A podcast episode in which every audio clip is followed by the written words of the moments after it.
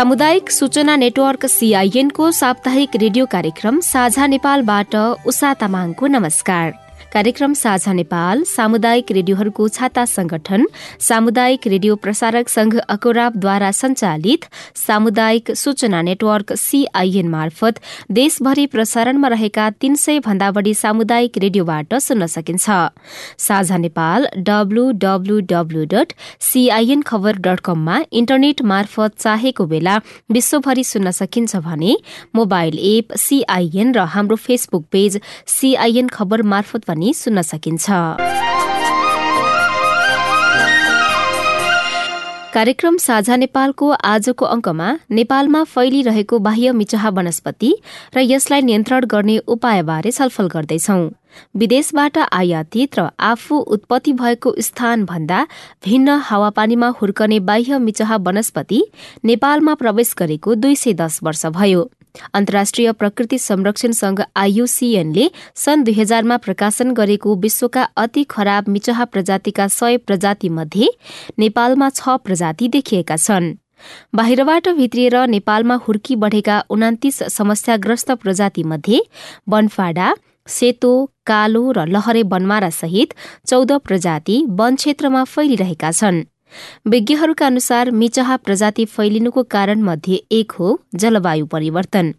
यसै सन्दर्भमा हामीले अनुसन्धानकर्ता डाक्टर भरत बाबु श्रेष्ठसँग कुराकानी गरेका छौं। नेपालको मिछा वनस्पतिमा विगतमा अनुसन्धान निकै नै कम थियो र अब हामीले विगतमा नेपाली अथवा विदेशी अनुसन्धानकर्ताहरूले गरेको अनुसन्धानकै आधारमा हेर्ने हो भने पनि उन्नाइस सय पचास पछाडि मात्रै नेपालमा केही अनुसन्धानहरू सुरुवात भएको देखिन्छ।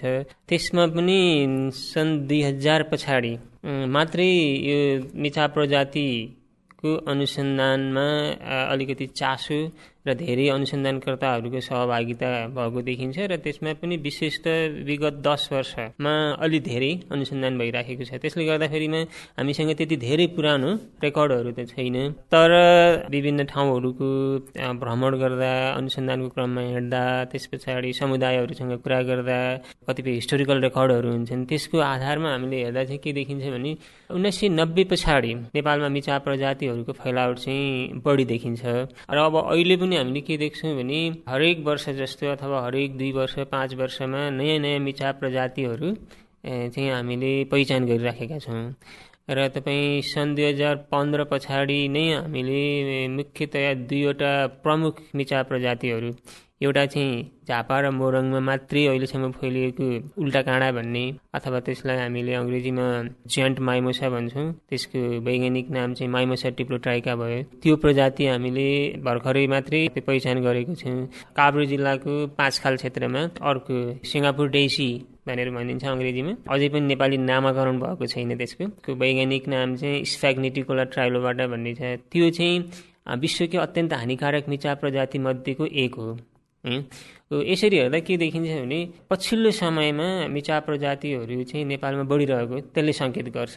तर अब नेपालमा मिचा प्रजातिको अभिलेखको रूपमा हेर्ने हो भने चाहिँ उन्नाइस सय पचास पछाडि मात्रै नेपालमा मिचा प्रजातिहरू भएको चाहिँ रिसर्च भएको छ। तर उन्नाइस सय पचासदेखि उन्नाइस सय नब्बेसम्ममा चाहिँ खासै अनुसन्धान भएको छैन। र अब अनुसन्धान सुरुवात भएको भनेको विगत बिस वर्षमा भनौँ। र त्यसमा पनि धेरैजनाले अनुसन्धान गरिराखेको भनेको सन् दुई हजार दस पछाडि अब अहिले तपाईँले हेर्नु भने हाम्रो वनस्पति विभागमा कमसेकम छ सातजना विद्यार्थीहरूले मास्टर्समा थेसिस गरिराखेका छन्। दुईजनाले भर्खरै निचा प्रजातिमै पिएचडी छ कि एकजनाले भर्खर बुझाइराखेका छन् हाम्रो विभागमा। त्यो बाहेक अन्यत्र पनि अलिअलि मिचा प्रजातिमा अलिकति इन्ट्रेस्ट भएर काम चाहिँ गरिराख्नु भएको छ अहिले। खासमा यो मिचाहा प्रजाति चाहे अध्ययन अनुसन्धान गर्नुपर्ने विषय अथवा यो पनि एउटा समस्याको रूपमा चाहिँ आउन सक्छ भनेर सोच्नुपर्ने विषय हो कि होइन? अब मिचा प्रजाति हामीले राष्ट्रिय मात्रै होइन क्षेत्रीय अन्तर्राष्ट्रिय रूपबाट पनि हेर्दाखेरिमा मिचा प्रजातिको फैलावटलाई चाहिँ ग्लोबल इन्भाइरोमेन्टल प्रब्लम भन्छ नि विश्व स्तरको वातावरणीय समस्या। त्यो मध्येको एउटा प्रमुख समस्या हो। तर अब कहिलेकाहीँ के हुन्छ भने प्रमुख समस्या हुँदाहुँदै पनि अथवा समुदायले त्यसको असर भोग्दा भोग्दै पनि नीति निर्माताहरू अथवा राजनीतिक कर्मीहरू अथवा अनुसन्धानकर्ताहरूको आँखामा त्यो कहिलेकाहीँ नपर्न सक्छ है? त्यसले गर्दाखेरिमा केही अगाडिसम्म चाहिँ यो त्यति चासोको विषय थिएन। तर अब अहिलेको अवस्थामा हेर्ने हो भने होइन अब आजको दिनमा हामीले हेर्ने हो भने चाहिँ सरकारी निकायदेखि लिएर होइन गैर सरकारी संस्थाहरू र साथसाथै अब हाम्रो सञ्चारकर्मीहरू केही साथीहरू र अनुसन्धानकर्ताहरूले पनि यसलाई चाहिँ धेरै नै प्राथमिकतामा राखेर काम गरिराख्नु भएको छ होइन। अनि नेपाल सरकारले बनाएको कतिपय राष्ट्रिय स्तरको नीतिहरूमा पोलिसी डकुमेन्टहरू हुन्छ। मुख्यतया यो जैविक विविधता र त्यस पछाडि वातावरणसँग सम्बन्धित त्यस्ता डकुमेन्टहरूमा पनि जैविक विविधतालाई समस्याको रूपमा चाहिँ पहिचान गरिएको छ। तर त्यो समस्या समाधानको लागि जुन अप्नाउनु पर्ने क्रियाकलापहरू थियो जुन गतिविधिहरू थियो त्यो चाहिँ नभएको जति हुनुपर्ने। तर पोलिसी डकुमेन्टमा चाहिँ त्यसलाई समस्याको रूपमा चाहिँ पहिचान गरिएको छ। अहिले पनि मलाई थाहा भए अनुसार हाम्रो वन मन्त्रालय अन्तर्गतको यो वन अनुसन्धान तथा प्रशिक्षण केन्द्र भन्छ FRTC forest research and training centre उसले गत वर्ष पनि एउटा काम गरिराखेको थियो र अहिले पनि उसले अर्को एउटा इन्भेजिभ स्पेसिसमा काम गर्ने भनेर प्लानिङ गरिराखेको छ। अलिक अगाडि कोरोनाकै अवधिमा पनि वन अनुसन्धान तथा प्रशिक्षण केन्द्रको सहयोग र अथवा भनौँ न यिनीहरूको सहकार्य र त्यस पछाडि एफओको आर्थिक सहयोगमा नेपालभरि नै मिचा प्रजातिहरूले वन जङ्गलमा कस्तो असर गरेको छ त भन्ने एउटा ठुलै एउटा परियोजना पनि सम्पन्न भएको थियो। होइन त्यसले गर्दा अहिलेको अवस्थामा अध्ययन अनुसन्धानमा राम्रै चासो छ। निचा प्रजातिको व्यवस्थापन होइन समस्याको पहिचान चाहिँ भयो। तर त्यो समस्याको लागि सम्बोधन नेपाल सरकारबाट जति हुनुपर्ने थियो त्यो स्केलमा चाहिँ अहिले हुन सकिरहेको छैन। अनुसन्धानको क्रममा चाहिँ के कस्ता प्रजातिहरू अथवा अहिलेसम्ममा बाह्य मिचाह प्रजाति भनेर हामीले कतिवटासम्म पत्ता लगाएका छौँ र ती मध्ये पनि कुन कुन बाह्य मिचाह प्रजातिलाई चाहिँ आक्रमक रूपमा अथवा यो चाहिँ साह्रै हानिकारक छ भनेर पहिचान गरिएको छ? हामीले नेपालमा कतिवटा बाह्य मिचाह प्रजाति छन् अथवा कतिवटा बाह्य प्रजातिहरू छन् भन्ने कुरा लगभग हामी कमसेकम वनस्पतिको हकमा हामीसँग अहिले जानकारी छ। अब कतिपय अरू जनावरहरू जस्तै जन्तुहरू अथवा किराहरू त्यसमा पनि बाह्य प्रजातिहरू हुन्छन्। त्यसमा चाहिँ त्यति धेरै अनुसन्धान हुन सकेका छैन। बाह्य मिचा वनस्पति प्रजातिको हकमा चाहिँ हामीसँग अहिले पोलिसी डिसिजन गर्नको लागि नीति निर्माणमा निर्णय लिनको लागि आवश्यक जानकारीहरू छ। यसरी हेर्दाखेरिमा सबै बाह्य मिचा प्रजातिहरू समस्याग्रस्त हुँदैनन्। लगभग हामी कहाँ एक सय तिरासी वान एट थ्री त्यतिवटा बाह्य प्रजातिहरू चाहिँ हाम्रो प्राकृतिक वासस्थानमा स्थापित भएका छन्। भनेपछि अर्थ हाम्रो यहाँको पारिस्थितिक चक्र अथवा फरेस्टमा अथवा हाम्रो घाँसे मैदानमा एग्रिकल्चरमा तिनीहरू स्थापित भएका छन्। तर तिनीहरू सबै समस्याग्रस्त होइनन् फेरि है। त्यो मध्ये कम्तीमा तिसवटा कम्तीमा तिसवटा वनस्पति बाह्य वनस्पति प्रजातिहरू चाहिँ मिचा प्रजाति भनेर भन्छौँ यो बाह्य मिचा प्रजाति भनेका चाहिँ यिनीहरूले चाहिँ समस्या ल्याउने खालका हुन्। समस्याग्रस्त अथवा समस्या ल्याउने। अब त्यो मध्ये पनि सबै बाह्य मिचा प्रजातिहरूको समस्या उस्तै छैनन् होइन? त्यसले गर्दा अब हामीले केही मिचा प्रजातिहरूलाई चाहिँ एकदमै धेरै समस्या भइराखेको अथवा अहिले वर्तमानमा धेरै फैलिएको भनेर भन्छौँ होइन? र त्यसमा हामी कहाँ अहिले कमसेकम ग्लोबल्ली भनौँ न संसारभरि नै एकदमै हानिकारक मिचा प्रजाति भनेर आयुसिएनले एउटा सयवटा लिस्ट बनाएको छ। सयवटा अत्यन्त हानिकारक मिचा प्रजाति भनेर होइन? त्यस लिस्टमा पढ्ने हामी कहाँ थुप्रै बाह्य मिचा वनस्पति प्रजातिहरू छन् होइन? जस्तै उदाहरणको लागि एउटा अब लहरे वनमारा जुन चाहिँ तराई क्षेत्रमा बढी समस्या थियो त्यो चाहिँ बिस्तारै तराईबाट पहाडी क्षेत्रमा गइराखेको छ। त्यस पछाडि सेतो बनमारा भयो अनि अर्को जलकुम्बी भयो। र त्यस पछाडि हामीसँग यो वनफाँडा भनेर भन्छौँ रङ्गी बिरङ्गी फुल फुल्ने है। यो चारवटा प्रजाति अगाडि नै पहिचान भएका थिए। र अब पछिल्लो समयमा अब मैले अघि भनेको जुन हाम्रो पाँचखाल क्षेत्रमा पत्ता लागेको सिङ्गापुर डेजी भनेर भन्ने। अथवा त्यसलाई स्फ्याग्नेटिकोलाई ट्राइलोबाट भन्छौँ त्यो पनि त्यही सय प्रजातिमध्ये पर्छ। र अब अर्को इन्ट्रेस्टिङ चाहिँ के छ भने हामीले जुन घाँसको लागि भनेर नेपाल भित्राइएको घाँसको लागि भनेर नेपाल भित्राइएको एउटा इपिलिपिल भन्ने घाँस छ। हो त्यो इपिलिपिल घाँस नेपालमा अहिले समस्या भइसकेको चाहिँ होइन। तर बिस्तारै फैलिने स्थितिमा छ। है अरे त्यो पनि त्यो सय लिस्टमा पर्छ। किनभने यो प्रजाति इन्डियामा त्यस पछाडि हाम्रो यो भनौँ न दक्षिण पूर्वी एसियामा अनि अफ्रिकामा अस्ट्रेलियामा त्यो समस्या भइसक्यो त्यो प्रजाति पनि है। र नेपालमा पनि यदि हामीले त्यसलाई बेलैमा अलिकति चास चनाखो भइएन भने अथवा त्यसलाई जङ्गलमा फैलिनेबाट रोक्न सकिएन भने त्यो भविष्यमा त्यो पनि ठुलो समस्या हुनसक्छ होइन? यसले गर्दाखेरिमा कमसेकम त्यो सय लिस्टमा पर्ने हामी कहाँ छवटा अत्यन्त हानिकारक मिचा प्रजातिहरू छन्। यो बाहेक अब अर्को भनेको हामीले अहिले बस्ती कृषि क्षेत्रबाट बिस्तारै जङ्गल र घाँसे मैदानमा प्रवेश गरेको भनेको यो हाम्रो पातिजार जसलाई हामीले पार्थिनियम भनेर भन्छौँ। र यो एकदमै द्रुत गतिमा फैलिराखेको छ। दस वर्ष अगाडिसम्म हेर्दाखेरि यो रोड साइडमा मात्रै थियो। तर अब अहिले चाहिँ यो तपाईँको घाँसे मैदान जङ्गल क्षेत्रमा पनि प्रवेश गरिसकेको छ। त्यो अर्को मिचा प्रजाति हो। र अब त्यो बाहेक अब अर्को थप एकदमै हानिकारक मिचा प्रजातिको रूपमा अहिले पूर्वी तराई नेपालको पूर्वी तराईको झापा र मोरङ जिल्लामा मात्रै पहिचान गरिएको जसलाई स्थानीय भाषामा उनीहरूले उल्टा काँडा अथवा आरा काँडा पनि भनेर भन्छौँ। यो हेर्दा लज्जापतिको जस्तो फुल देखिन्छ तर त्यो छ्याङ हुन्छ। र अनि त्यसमा काँडा पनि हुन्छ र साथसाथै त्यो विषालु पनि हुने भएको कारणले गर्दा स्वयं गाईबस्तुहरू मुख्यतया बाख्राहरू मरेको चाहिँ स्थानीय रूपबाट रिपोर्टेड छ। र अनि त्यो त्यसको काँडाले गर्दा छालालाई पनि असर गर्छ। त्यो चाहिँ एकदमै द्रुत गतिमा फैलिराखेको छ। त्यसले गर्दाखेरिमा अत्यन्त हानिकारक र त्यस पछाडि नियन्त्रण गर्नुपर्ने प्रजाति भनेर मैले यिनीहरू सात आठवटा प्रजातिलाई चाहिँ बढी प्रायोरिटी दिन्छु। त्यो तिसवटा मध्ये पनि होइन तिसवटा मध्ये पनि। त्यो बाहेक अरू पनि छन् जस्तै अब हामीले एउटा पटपटै भन्ने झार छ त्यो कृषि क्षेत्रमा निकै ठुलो समस्या भइराखेको छ। त्यस्तै गरेर निलो गन्धे भन्ने छ एउटा निलो गन्धे अब हामी नेपालमा दुईवटा गन्धे झार छ भनौँ न एउटा सेतो गन्धे छ। सेतो गन्धे पनि मिचा हुनु चाहिँ तर त्यसको इम्प्याक्ट चाहिँ अलिक कम छ थोरै छ। त्यो त्यति धेरै विषालु छैन तर निलो गन्धे चाहिँ बढी विषालु छ। चौपायाहरू गाईबस्तुहरू मरेको पनि कतिपय ठाउँमा घटनाहरू छन्। यो चाहिँ कृषि क्षेत्रमा जुन कुरो बिस वर्ष अगाडि नेपालमा थियो तर समस्याको रूपमा लिएको थिएन।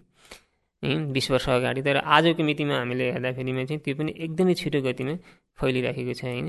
यसरी हेर्दाखेरिमा लगभग तिसवटा तिसवटा मध्ये एक तिन भागको एक भाग भनौँ न होइन। नौ दसवटा प्रजातिहरू चाहिँ अत्यन्तै बढी हानिकारक छन्। र नियन्त्रण गर्दाखेरिमा तिनीहरूलाई प्राथमिकतामा राख्नुपर्ने देखिन्छ। अब प्राय हेर्दाखेरि धेरै चाहिँ कृषि क्षेत्रमा पनि असर गरिरहेको छ भन्ने देखिन्छ। तपाईँको भनाइअनुसार पनि त्यही भयो। विभिन्न प्रकाशित अब लेखहरूमा पनि त्यही नै देखिन्छ। अब खास गरेर वन क्षेत्रको मात्रै कुरा गर्ने हो भनेदेखि चाहिँ वन क्षेत्रमा चाहिँ यो मिचाह प्रजाति अथवा बाह्य मिचाह प्रजातिको फैलावट र वन क्षेत्रमा चाहिँ कस्तो किसिमको असर परिरहेको देखिन्छ? अब हामीले कतिपय मिचा प्रजातिहरू अथवा धेरै जसो मिचा प्रजातिहरूको एउटा प्रकृति कस्तो हुँदो रहेछ भने पहिला तिनीहरू चाहिँ मान्छेको बस्ती वरिपरि अथवा सहरी क्षेत्र अथवा ग्रामीण क्षेत्र अथवा कृषि क्षेत्रमा त्यो पहिला स्थापित हुने। अनि त्यस पछाडि त्यो बिस्तारै प्राकृतिक वासस्थानमा प्राकृतिक क्षेत्रमा प्रवेश गर्ने गर्छ होइन। त्यो हुँदाखेरिमा बाह्य मिचा प्रजातिको सङ्ख्या सरसर्ती हामीले हेर्दा कृषि क्षेत्रमा बढी पनि देखिन्छ होइन? तर अहिले कृषि क्षेत्रमा भएको प्रजातिहरू बिस्तारै त्यो घाँसे मैदान जङ्गली क्षेत्रमा पनि प्रवेश गर्छ। एउटा कुरो त्यो थाहा पाउनु पऱ्यो होइन? अनि अब अर्को चाहिँ अब जङ्गलमा हाम्रो मिछा प्रजातिहरूको प्रकोप कृषिमा भन्दा कम चाहिँ छैन। किनभने कतिपय ठाउँमा हामीले के देखिरहेका छौँ भने जङ्गलमा जति पुरै जङ्गल ढाकेको होइन? अथवा पुरै घाँसे मैदान ढाकेको एउटा अथवा दुईवटा मिचा प्रजातिहरूले त्यो पनि देख्न सकिरहेका छन्। जस्तै उदाहरणको लागि हेर्ने भने तपाईँ यो बनफाँडा भन्ने ल्यान्टाना क्यामेरा त्यस पछाडि सेतो बनमारा भयो होइन? अनि त्यस पछाडि यो त्यही माइमोसा डिप्लोट्राइका उल्टा काँडा भन्ने यिनीहरू जङ्गलमा प्रवेश गरेर जङ्गलको रैथाने प्रजातिलाई विस्थापित गर्ने एउटा कुरो त्यो भयो। अनि अर्को कुरो चाहिँ यी प्रजातिहरू चाहिँ जङ्गली जनावरहरू जस्तै अब हाम्रो कतिपय घाँस खा घाँसमा बाँच्ने मृगहरू खरायोहरू अथवा जुन हर्बीबरहरू छन् यिनीहरूको घाँस चाहिँ घटाइदिने। र जस्तै उदाहरणको लागि हेर्ने भने घाँसे मैदानमा मिछा प्रजाति फैलिएको कारणले गर्दा चितवन नेसनल पार्कमै पनि यो राइनुको वासस्थानलाई समस्या पऱ्यो भन्ने। र साथसाथै अब त्यसले अन्तत हाम्रो जस्तै ठुला जनावरहरू जस्तै बाघलाई पनि असर गर्छ। किनभने बाघले खाने भनेको मृग अनि खरायो तिनीहरू भयो। मृग खरायो बाँच्नको लागि घाँसे मैदान चाहियो। अनि घाँसे मैदानमा अहिले मिचा प्रजाति फैलिएको कारणले गर्दा घाँसे मैदानमा घाँस भन्दा पनि मिचा प्रजाति छ। जसले गर्दाखेरिमा यिनीहरूले चाहिँ मृग खरायोलाई असर गर्ने भए यसरी हेर्दाखेरिमा के देखिन्छ भने एउटा वनस्पति प्रजातिलाई नै विस्थापित गर्यो। जसले गर्दा हाम्रो रैथाने जैविक विविधतालाई असर गर्ने भयो प्रत्यक्ष रूपबाट अब अर्को चाहिँ जुन जङ्गलको हामीले मान्छेको जस्तै जङ्गलको पनि स्वास्थ्य हुन्छ। फरेस्ट हेल्थ भनेर भन्छ। त्यो ठाउँमा हुनको लागि त्यहाँ वन हाम्रो वनस्पति पनि चाहियो किराफट्याङ्ग्रा पनि चाहियो। अरू जनावर पनि चाहियो ठुलो जनावर चाहियो सानो जनावर चाहियो। त्यस्तो चाहिँ अब हेल्दी इको सिस्टम भयो भने बल्ल सबै कुरो त्यहाँ बस्न सक्छ। तर अब मिचा प्रजाति फैलिसके पछाडि त्यो वासस्थानको गुणस्तर घट्छ। अथवा फरेस्ट हेल्थ चाहिँ हामी जङ्गलको स्वास्थ्य चाहिँ कमजोर भयो भनेर भन्छ। त्यो हुँदाखेरिमा जङ्गलमा आश्रित हुने जैविक विविधता जङ्गलमा आश्रित हुने अरू सबै भनौँ न अर्गानिजमहरू सबै प्रजातिलाई पनि त्यसले असर गर्ने भयो। त्यसले गर्दाखेरिमा अब यहाँ पनि फेरि एउटा के ख्याल गर्नु पऱ्यो भने जुन चाहिँ जङ्गलमा मान्छेको गतिविधिले कम असर गरेको अथवा भनौँ त्यसलाई चाहिँ भनौँ न प्राकृतिक जङ्गल भनौँ न प्राकृतिक जङ्गलमा मिचा प्रजाति कम हुन्छ। एउटा इन्ट्रेस्टिङ पोइन्ट चाहिँ त्यो जहाँ मान्छेको गतिविधि बढी छ अथवा मान्छेले गर्दाखेरिमा जङ्गलको हैसियत बिग्रिएको छ जहाँ अब फडानी बढी हुनसक्छ आगोलागी बढी हुनसक्छ अथवा चौपायाहरूको चरिचरण बढी हुनसक्छ ऊ त्यो क्षेत्रमा चाहिँ मिचा प्रजाति फैलिन्छ एकदमै बढी। है? त्यसले गर्दाखेरिमा जहाँ एकदमै प्राकृतिक अवस्थामा जङ्गल छ त्यहाँ तुलनात्मक रूपबाट मिचा प्रजातिको समस्या कम छ। तर जुन ठाउँ जुन जङ्गललाई मान्छेले नियमित रूपबाट प्रयोग गरेर जसको हैसियत अलिकति बिग्रिएको छ त्यस्तो ठाउँमा मिचा प्रजाति एकदमै छिटो फैलिन्छ। र जसले गर्दाखेरिमा जङ्गलको पुनरुत्थान हुने क्षमता त्यस पछाडि जङ्गलको जैव विविधतालाई अत्यन्तै नकारात्मक असर पारिराखेको हुन्छ। तापक्रमसँग पनि जोडेर हेर्दाखेरि चाहिँ जलवायु परिवर्तनको एउटा प्रमुख असर भनेको तापक्रम वृद्धि भइरहेको भन्ने नै छ। होइन? त्यो न्यूनीकरण गर्नको लागि सबैले अपनाउनु पर्ने उपायहरूमा बहस गरिरहेको विषय त अलग नै पाटो भइहाल्यो। तापक्रम वृद्धि भइरहँदाखेरि चाहिँ मिचहा प्रजाति अथवा बाह्य मिचहा प्रजाति चाहिँ बढिरहेको र त्यसको वासस्थान चाहिँ फराकिलो हुँदै गएको जाडोमा हुर्कने अथवा जाडोमा रहने बाह्य मिचाहा प्रजाति गर्मीतिर पनि जान थाले। गर्मीमा मात्रै बस्ने मिचाहा प्रजाति चाहिँ जाडो हुने ठाउँतिर पनि सर्दै गयो भन्ने खालको कुराहरू पनि सुनिन्छ। यसमा वास्तवमा तथ्य कुरा चाहिँ केही पाउनु भएको छ तपाईँहरूले अनुसन्धानको क्रममा? बाह्य मिचा प्रजातिको फैलावट बायोलोजिकल इन्भेजन भनेर भन्छौँ अङ्ग्रेजीमा र त्यस पछाडि जलवायु परिवर्तन अब यो दुईटा दुवै नै मानव सृजित समस्याहरू हुन्। यो दुईवटा समस्याहरू फेरि एक आपसमा सम्बन्धित पनि छन्।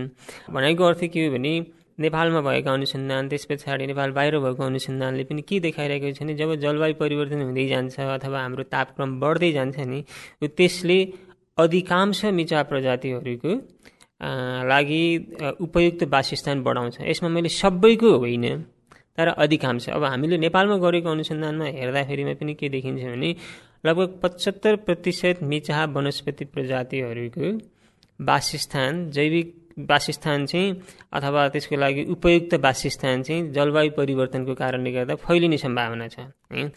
भनिसकेपछि अधिकांश मिचा प्रजातिको लागि उपयुक्त वासस्थान फैलिने भन्नुको अर्थ के हो भने मिचा प्रजाति नयाँ ठाउँमा गएर है अहिले जहाँ छ त्योभन्दा नयाँ ठाउँमा जाँदाखेरिमा पनि त्यहाँ स्थापित हुन सक्ने भयो।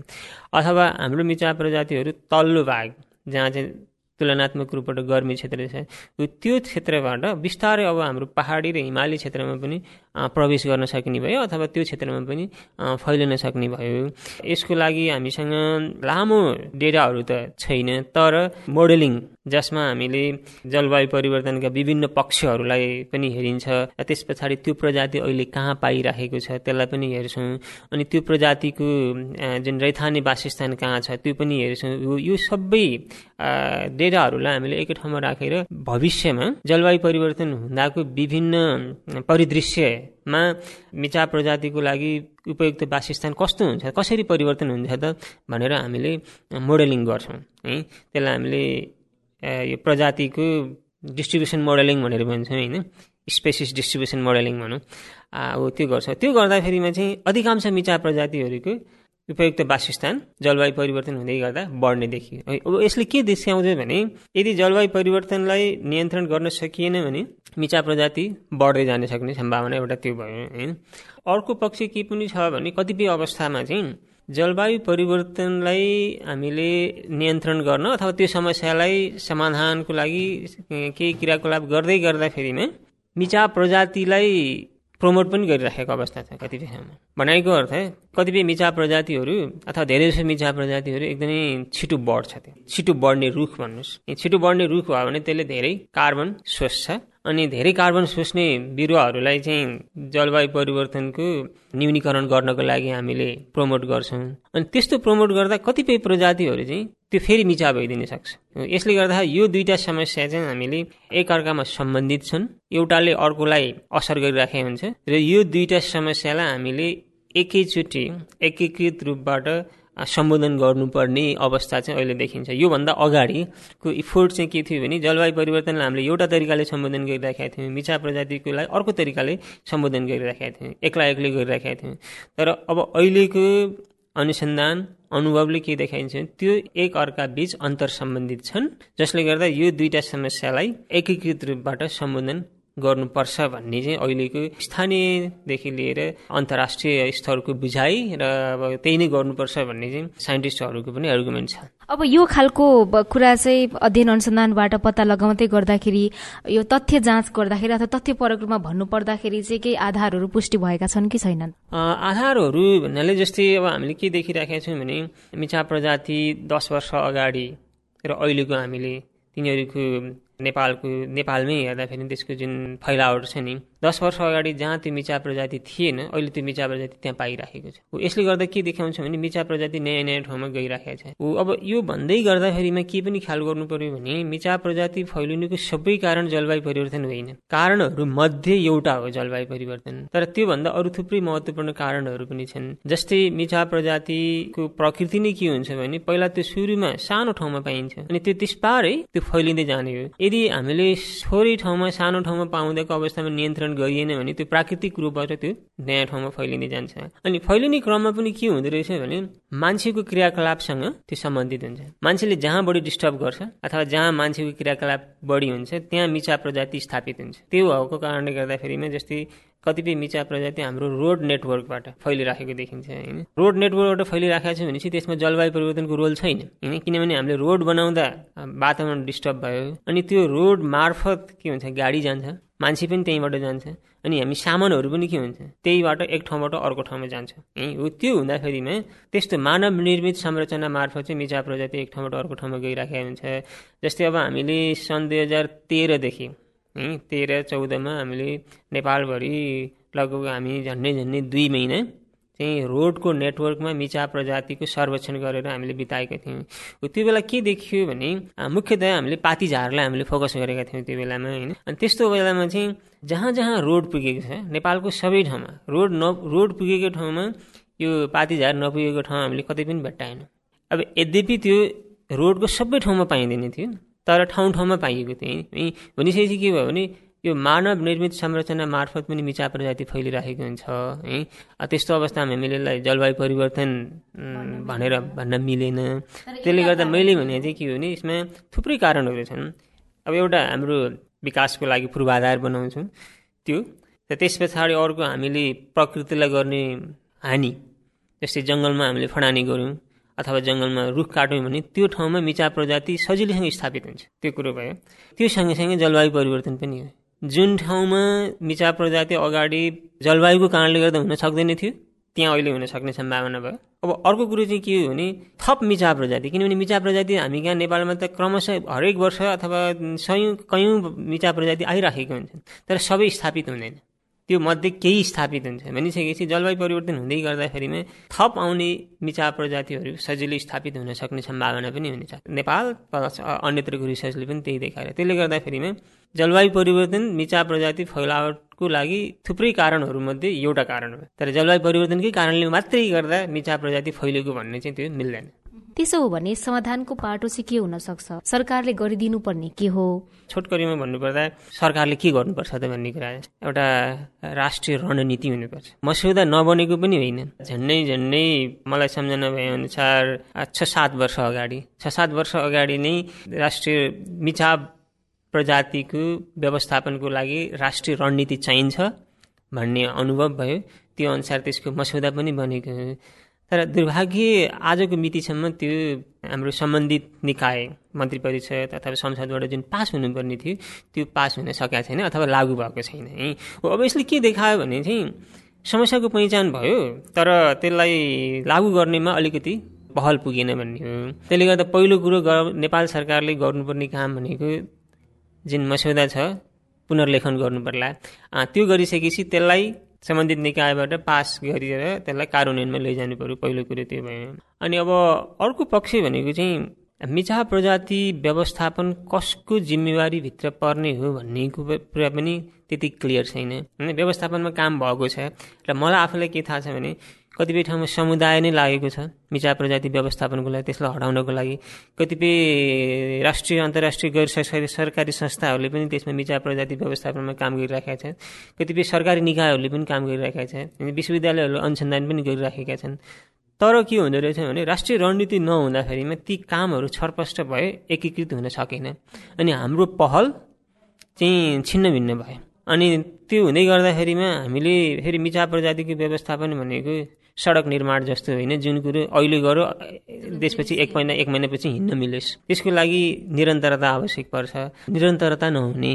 जसले गर्दाखेरिमा पनि मिजा प्रजाति तपाईँ नियन्त्रणको लागि एक वर्ष दुई वर्ष काम गर्यो त्यस पछाडि छोडिदियो। छोडिदिइसके पछाडि के हुन्छ? मिजा प्रजाति फेरि बढ्छ। होइन हो यसले गर्दाखेरिमा एकीकृत प्रयास नहुनु अर्को समस्या भयो होइन। कतिपय सामुदायिक वनले मिचा प्रजाति नियन्त्रणकै लागि लाखौँ खर्च गरेको पनि मलाई थाहा छ। तर समस्या त्यहाँ के छ भने उहाँहरूले व्यवस्थापनको लागि जुन उपायहरू अवलम्बन गरिराख्नु भएको छ नि त्यो चाहिँ त्यति उपयुक्त छैन कतिपय ठाउँमा। झापाको जलथल भन्ने जङ्गल क्षेत्रमा भएका सामुदायिक वनले मिछा प्रजाति निकाल्नको लागि उहाँहरूले के गर्दै हुनुहुन्थ्यो भने लहरे बनमाराको समस्यालाई उहाँहरूले सम्बोधन गर्न खोज्नुभयो। र त्यो गर्दा उहाँहरूले लहरे बनमारा होइन मात्रै होइन कि त्यहाँ भएको सबै प्रजातिलाई उहाँहरूले हटाइदिनु भयो भन्नुको अर्थ के भने जमिन नाङ्गो भयो। अब यो जमिन नाङ्गो हुँदाखेरिमा के हुन्छ भने त्यो ठाउँ मिचा प्रजातिको लागि स्वर्ग जस्तै हो। जमिन नाङ्गो बनाइदिनु भयो भने मिचा प्रजाति अर्को वर्ष डबल हुन्छ। म अर्को पनि उदाहरण जस्तै तपाईँले कतिपय ठाउँमा हाम्रो जलकुम्बी निकाल्ने अभियानहरू चल्छ। पोखराको फेवातालबाट जलकुम्बी निकाल्ने प्रयास गरिन्छ। जलकुम्बी कुनै वर्ष एकदमै धेरै हुन्छ। त्यो वर्ष हामी निकाल्छौँ अनि पाँच दस प्रतिशत त्यहाँ हुन्छ। अर्को वर्ष थोरै देखिन्छ हामी केही पनि गर्दैन। गर्नुपर्ने चाहिँ के हो भने अर्को वर्ष त्यो पाँच पर्सेन्ट भने त्यसलाई पनि निकालेर जिरोमा पुर्याउनु पर्ने हो। अनि त्यो जिरोमा नपुर्याउँदाको अवस्थामा चाहिँ फैलि नै रहन्छ। भनिसकेपछि यदि तपाईँले दुई तिन वर्ष प्रयास गर्नुभयो भने जलकुमीलाई त्यहाँ जिरोमा झार्न सक्नुहुन्छ। तर समस्या के भयो भने हामी एक वर्ष पहल गर्छौँ। अर्को वर्ष कता कति देखिन्छ? अनि त्यो हामी वास्ता गर्दैनौँ। अनि दुई वर्ष चार वर्ष पाँच वर्ष बित्छ अनि पाँच सात वर्ष पछाडि फेरि पुरै ढाक्छ अनि फेरि निकाल्छ। अब यो चाहिँ उपयुक्त विधि होइन। त्यसले गर्दाखेरिमा हाम्रो पहलहरू प्रभावकारी भएनन्। यस्ता कुराहरूले चाहिँ हामीले यो कुरो हाम्रो नीति निर्मातादेखि लिएर गभर्मेन्ट अथोरिटीले पनि बुझ्नु पऱ्यो र साथसाथै हाम्रो समुदायलाई पनि यो कुरो बुझाउनु पऱ्यो जसले गर्दा हामीले खर्च गरेको समय खर्च गरेको रिसोर्स चाहिँ प्रभावकारी रूपबाट मिचा प्रजाति नियन्त्रणको लागि प्रयोग हुन सकोस्। उहाँ हुनुहुन्थ्यो बाह्य मिचाहा वनस्पतिको अनुसन्धानमा सक्रिय अनुसन्धानकर्ता डाक्टर भरत बाबु श्रेष्ठ। अब पनि हामी कार्यक्रम साझा नेपालको अन्त्यमा आइपुगेका छौं। साझा नेपाल तपाईँलाई कस्तो लाग्यो? हाम्रो टेलिफोन नम्बर शून्य एक बाहन्न साठी छ चार छमा फोन गरेर आफ्नो जिज्ञासा सल्लाह सुझाव तथा प्रतिक्रिया रेकर्ड गर्न सक्नुहुन्छ। हवस् त। आउँदो साता आजकै समयमा फेरि रेडियो कार्यक्रम साझा नेपाल लिएर उपस्थित हुनेछौ। त्यतिन्जेलसम्मका लागि प्राविधिक साथी सुभाष पन्तलाई धन्यवाद दिँदै उषा तामाङ विदा हुन्छु। आउँदो साताको साझा नेपालमा फेरि भेटौँला। नमस्कार।